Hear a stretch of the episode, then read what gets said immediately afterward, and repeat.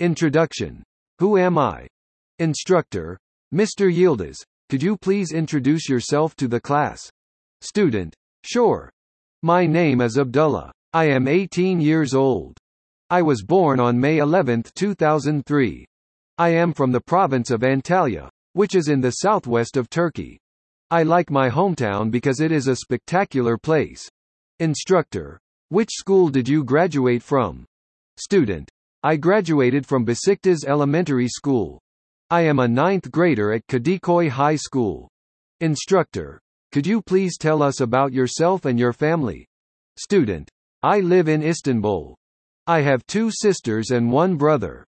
I love my family, friends, and school.